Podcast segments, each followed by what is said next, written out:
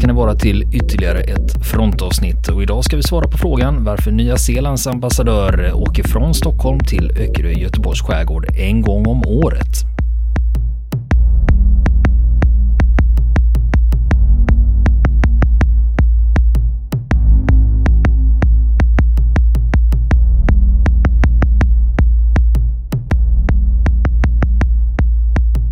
Ja du Niklas, har du hört talas om Anzac Day?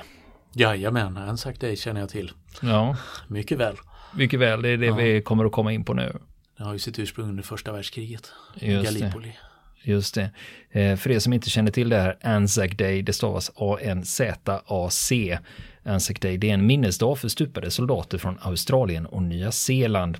Och Anzac, det är en förkortning och står för Australian and New Zealand Army Corps. Just det. Och Precis, du var inne på det. Du är helt rätt. Eh, det är bakgrunden till Anzac Day. Det är slaget om Gallipoli och det pågick under åtta månader 1915 under första världskriget mellan de allierade och Turkiet. Själva landstigningen skedde den 25 april 1915. Det är lite mer än 200 år sedan. Mm. Nej, det är lite mer än 100 år sedan.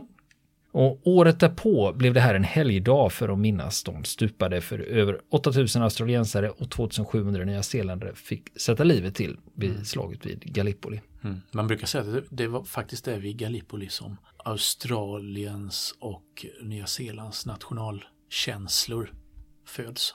Istället för att bara vara en liten bortglömd ja, koloni. Precis. I, precis. På fel sida jorden. Mm. Precis. Ja. Eh, vad vet du mer om Gallipoli?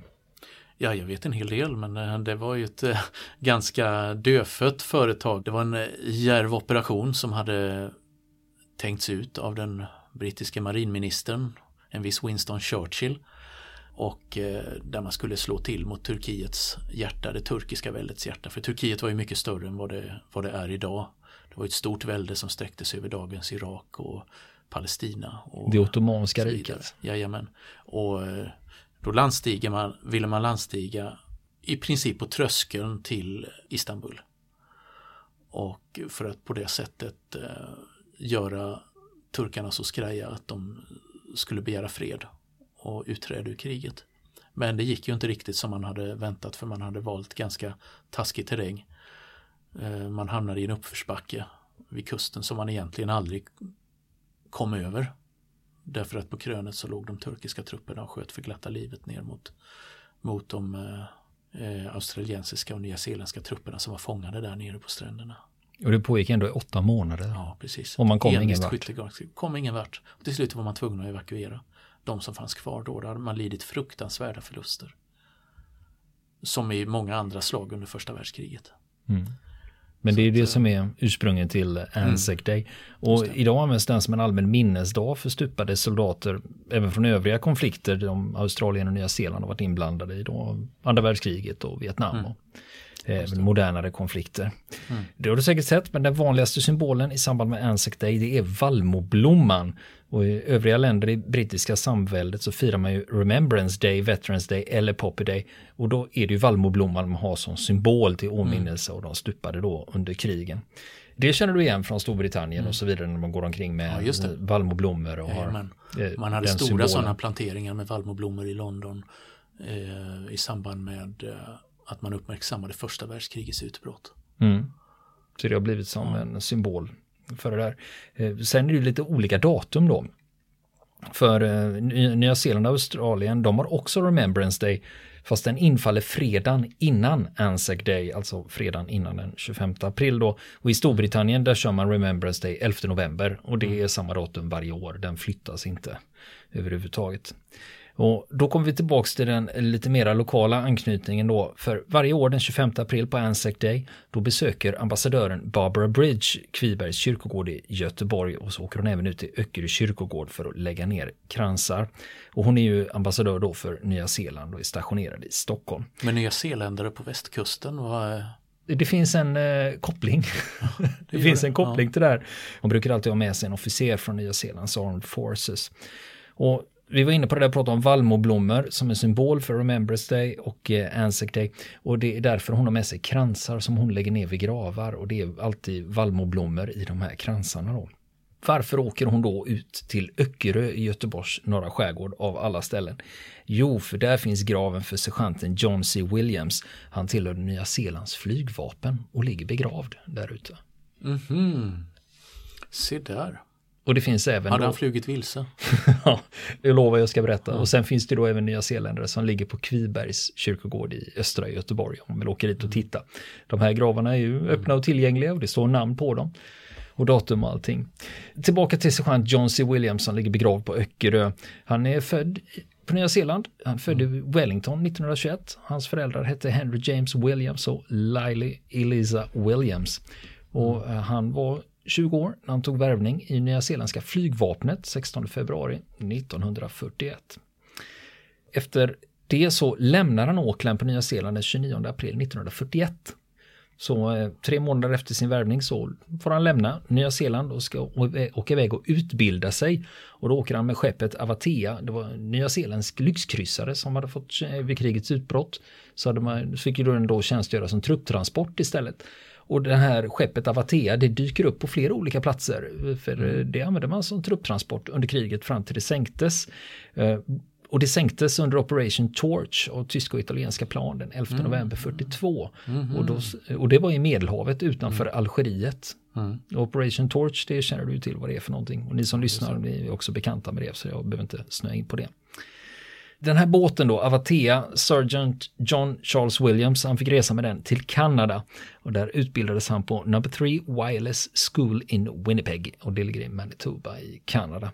Och det här med Wireless School, när jag såg det, jag tänkte vad fan då, en trådlös skola, höll de på med wifi eller? Nej, det är det ju inte, utan man utbildar radiooperatörer och skytter, radiooperatörer, det är det som är wireless school, det är då man går. School without a clue. School without a clue. Precis. Och sen gick han även på Number 6 Bombing and Gunnery School i Ontario, också den i Kanada. Och där tog han examen 26 oktober 1941. Och sen var det ju dags då att ut och resa i världen och göra andra saker. Han skickades till England för att tjänstgöra som skytt i brittiska Royal Air Force. Och han blev stationerad som akterskytt på 57 RAF-skvadronen. Och de var förlagda då på Feltwell-basen i Norfolk. Han tjänstgjorde där fram till hans sista uppdrag och det var natten mellan den 18 och 19 augusti 1942.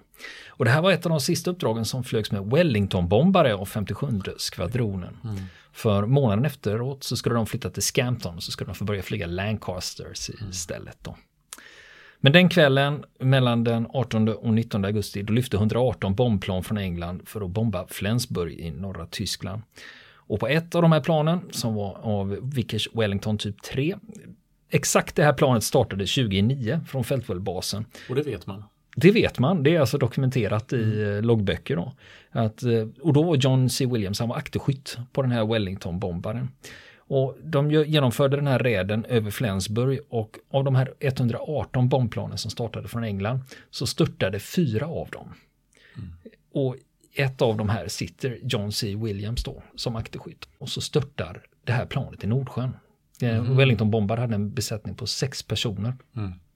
Och piloten som förde befälet ombord, han var kanadensare och hette R.P. McLaren. Hans kropp återfinns, den kommer jag tillbaka till. Men navigatören och radiooperatören ombord, deras kroppar, de fanns aldrig. Men eh, de enda spåren som finns kvar av dem idag är att de finns med på ett minnesmärke som heter Runnymede Memorial utanför London. Och eh, bombfällaren, sorry, han, han var också nyzeeländare, han hette Sergeant Hector John Wakeman, han var 23 år. Hans kropp spolades upp på den tyska ön Sylt Vid Nordsjökusten. vid Nordsjökusten. Han ligger idag begravd i Kiel om man vill besöka hans grav. Men då kommer vi tillbaka till piloten R.P. McLaren och eh, sergeant John Charles Williams. Deras kroppar spolades upp på Öckerö i Göteborgs norra skärgård den 11 september. Och det är alltså tre veckor efter räden. Så kan det gå. Strömmarna kan vara olika.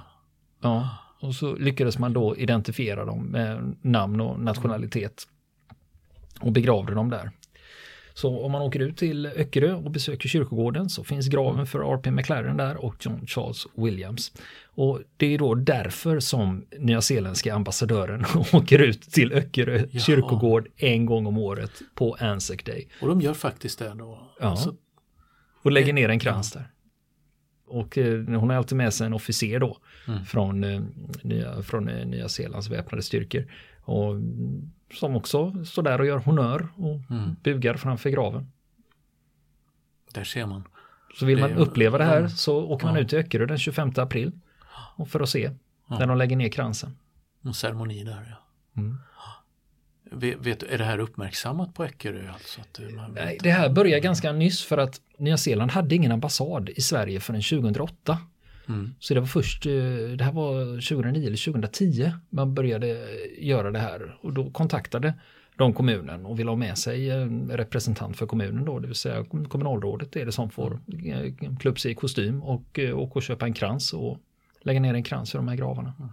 Så en årlig påminnelse Ja, och för i alltid, Öckerö om kriget och Ja, för, för du och jag när vi sitter och pratar om de här sakerna ofta, det är ju saker som är väldigt avlägsna, det är väldigt, Mm. väldigt långt, långt bort. Det är ingenting som har med vardagen att göra eh, överhuvudtaget. Men genom sådana här saker, då blir det väldigt påtagligt. det blir väldigt påtagligt och detta har hänt på riktigt och det har hänt Mm. här. Och gravstenen finns där och, Gravstenen och finns. ju. kransen läggs ner. Och, Ja, visst. Jag kan lägga- minns. Ja, jag har bilder De på det här jag kan lägga ut.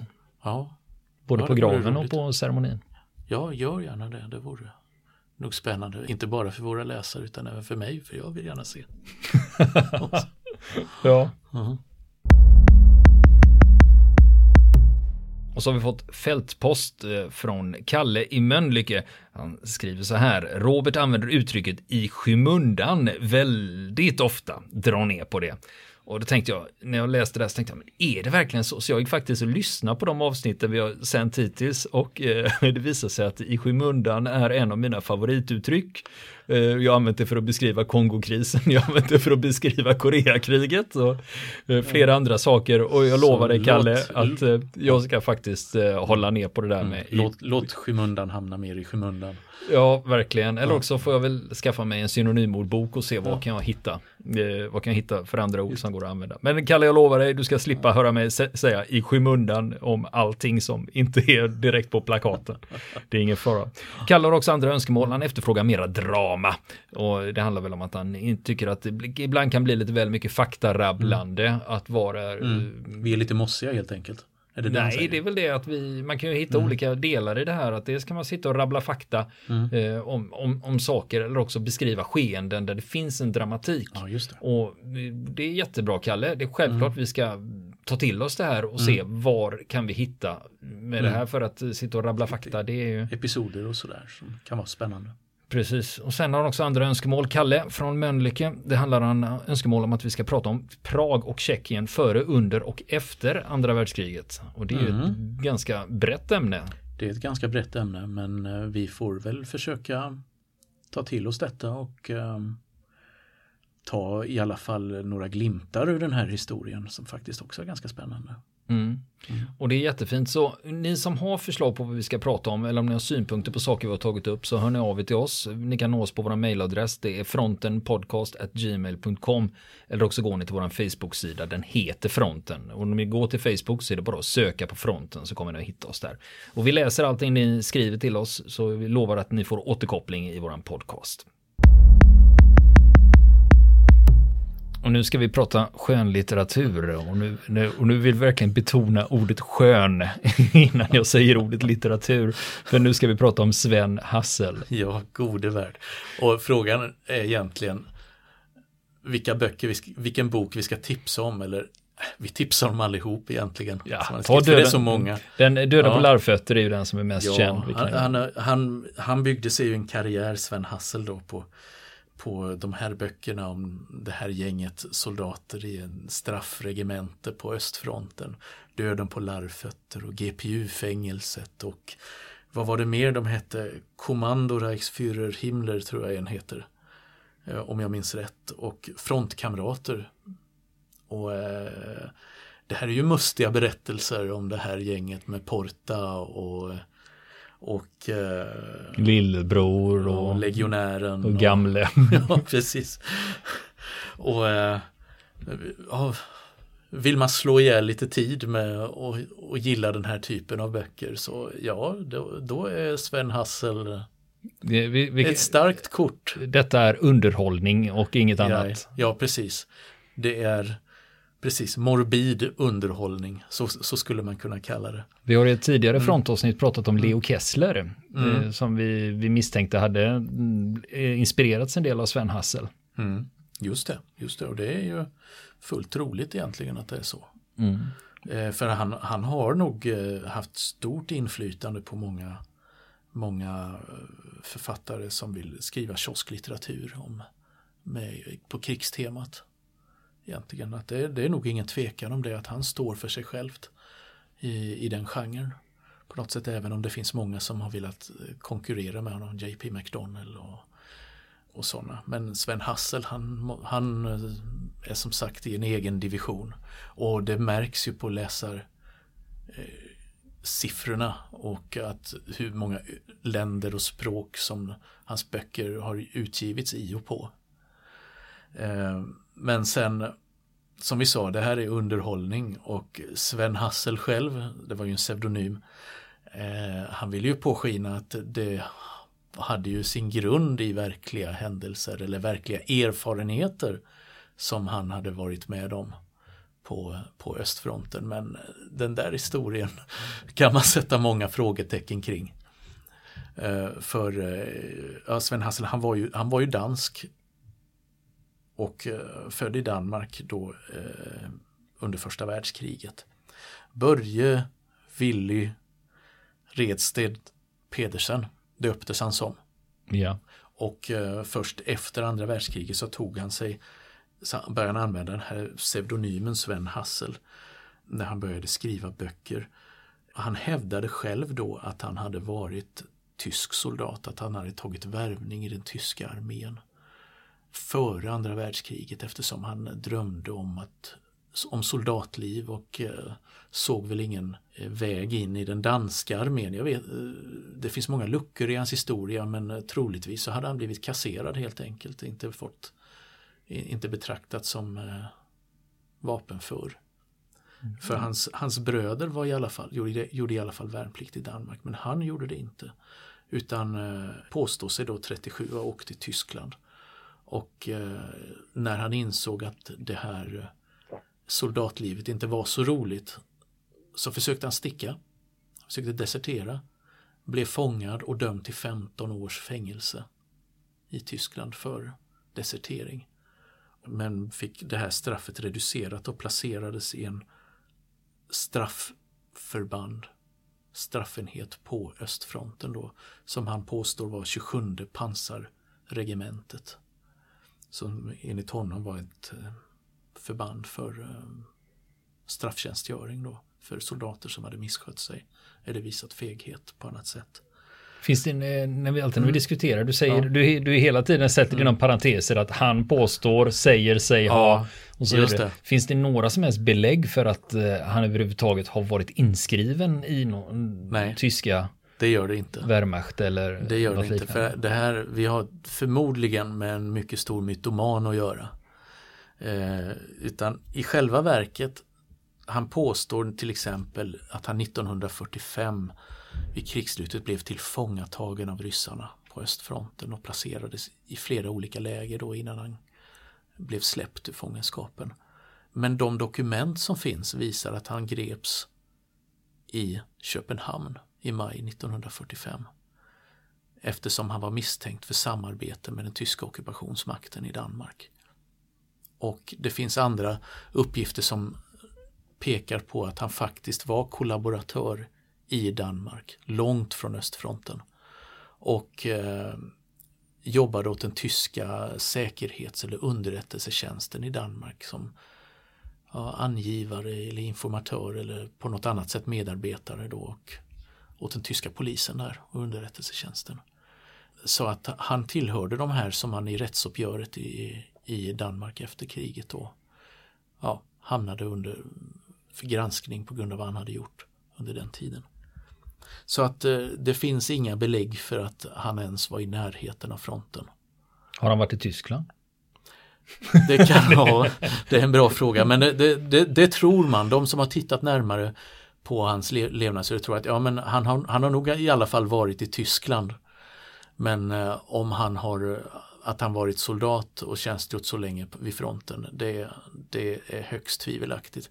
Och de här uppgifterna, de första uppgifterna om att eh, det var något som inte stämde med hans historia, de kom redan i början av 60-talet och det var en dansk journalist som började granska honom Eh, för att han redan då hade hunnit bli, börja bli en framgångsrik författare då med sina första böcker i den här serien. Ja, det blev väl så obehagligt för honom att stanna i Danmark så att han, han flyttade till eh, Spanien. Och eh, levde där resten av sitt liv och det är faktiskt bara ett par tre år sedan som han dog i Barcelona.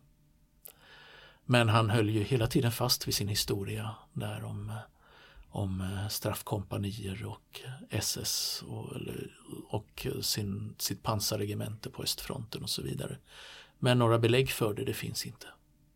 För eh, det finns ju mängder med personer mm. som man beskriver i sina böcker mm. och om man då hade mm. om man då verkligen skulle vilja kartlägga så skulle man kunna försöka leta upp de här personerna ja, om visst. de inte har blivit för Precis. karikerade av honom. Precis. Och sen så eh, med detta sagt ska man ändå hålla i minnet då att du kan vara som författare en hur usel existens som du vill. Men eh, böckerna i sig som man producerade, det är starka böcker och mycket läsvärda. Men eh, man bara behåller detta i bakhuvudet att nej, de är förmodligen inte baserade på några personliga erfarenheter utan det här är fritt uppfunna fantasier. Han kanske på, på sin höjd, höjd har lyssnat på andra danska frontveteraner och tyska frontveteraner som eh, när de berättade sina historier och så har han snappat upp saker här och där som har inspirerat honom. Ja, Men som sagt, sommarläsning, vad som helst av Sven Hassel. Och då blev det dags att prata om krigsfilm och nu ska vi när vi pratar om olika ämnen här, vad, vad filmerna handlar om, så brukar de ofta luta åt ett och samma håll. Men här har vi något så ovanligt som en tysk komedi som handlar om östtyska armén. Ja, känn på den alltså. den heter NVA och det har som sagt med Östtyskland att inte göra, att göra och inte med nordvietnamesiska armén. Eller det sa du kanske? Nej, det var just det, ja. för när jag såg ja. titeln, ja. NVA, då tänkte jag direkt NVA, North Vietnamese Army. Ja. Men det är det ju inte frågan om här. Inte. För NVA stod för Nationale Volksarmé. Den nationella folkarmén, det var de östtyska stridskrafterna under kommunisttiden.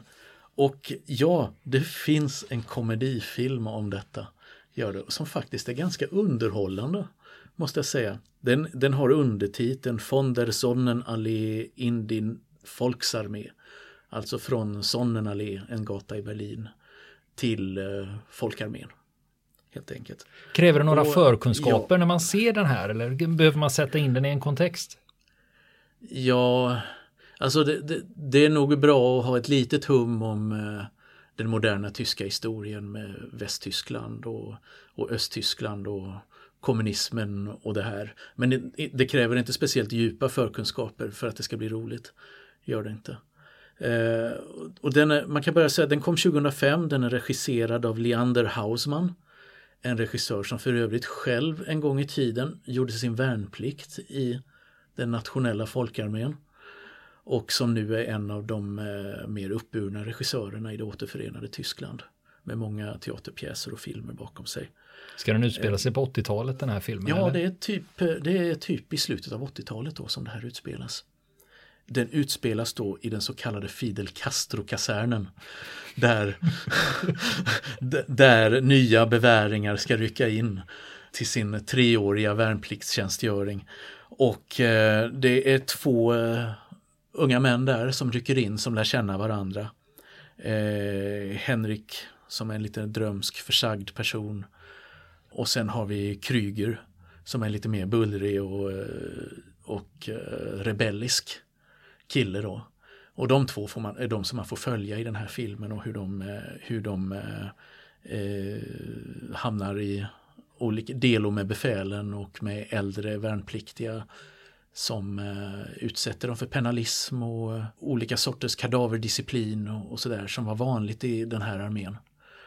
Och Kryger då, han är han är direkt den som eh, går i går i, hamnar i konflikt då med eh, överheten i det militära då för han är långhårig när han rycker in och popkille helt enkelt. Det är mycket rock'n'roll och så här och han försöker vara lite mer västlig av sig och det går inte alls hem i det här så han blir ju tvångsklippt ceremoniellt och eh, sen eh, hamnar han till slut på en straffbataljon.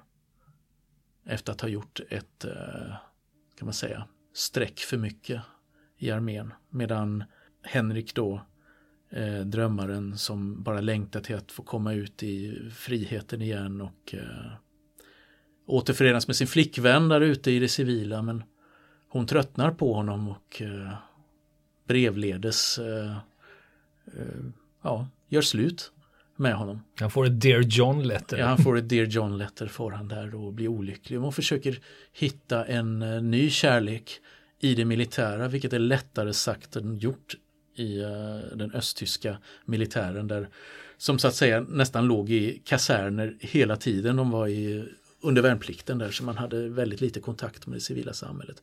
Men han lyckas träffa en vacker flicka och inleda en relation med. Ett litet aber är att hon är kommendantens dotter. Så det blir en hel del intressanta förvecklingar naturligtvis och det är ganska roligt.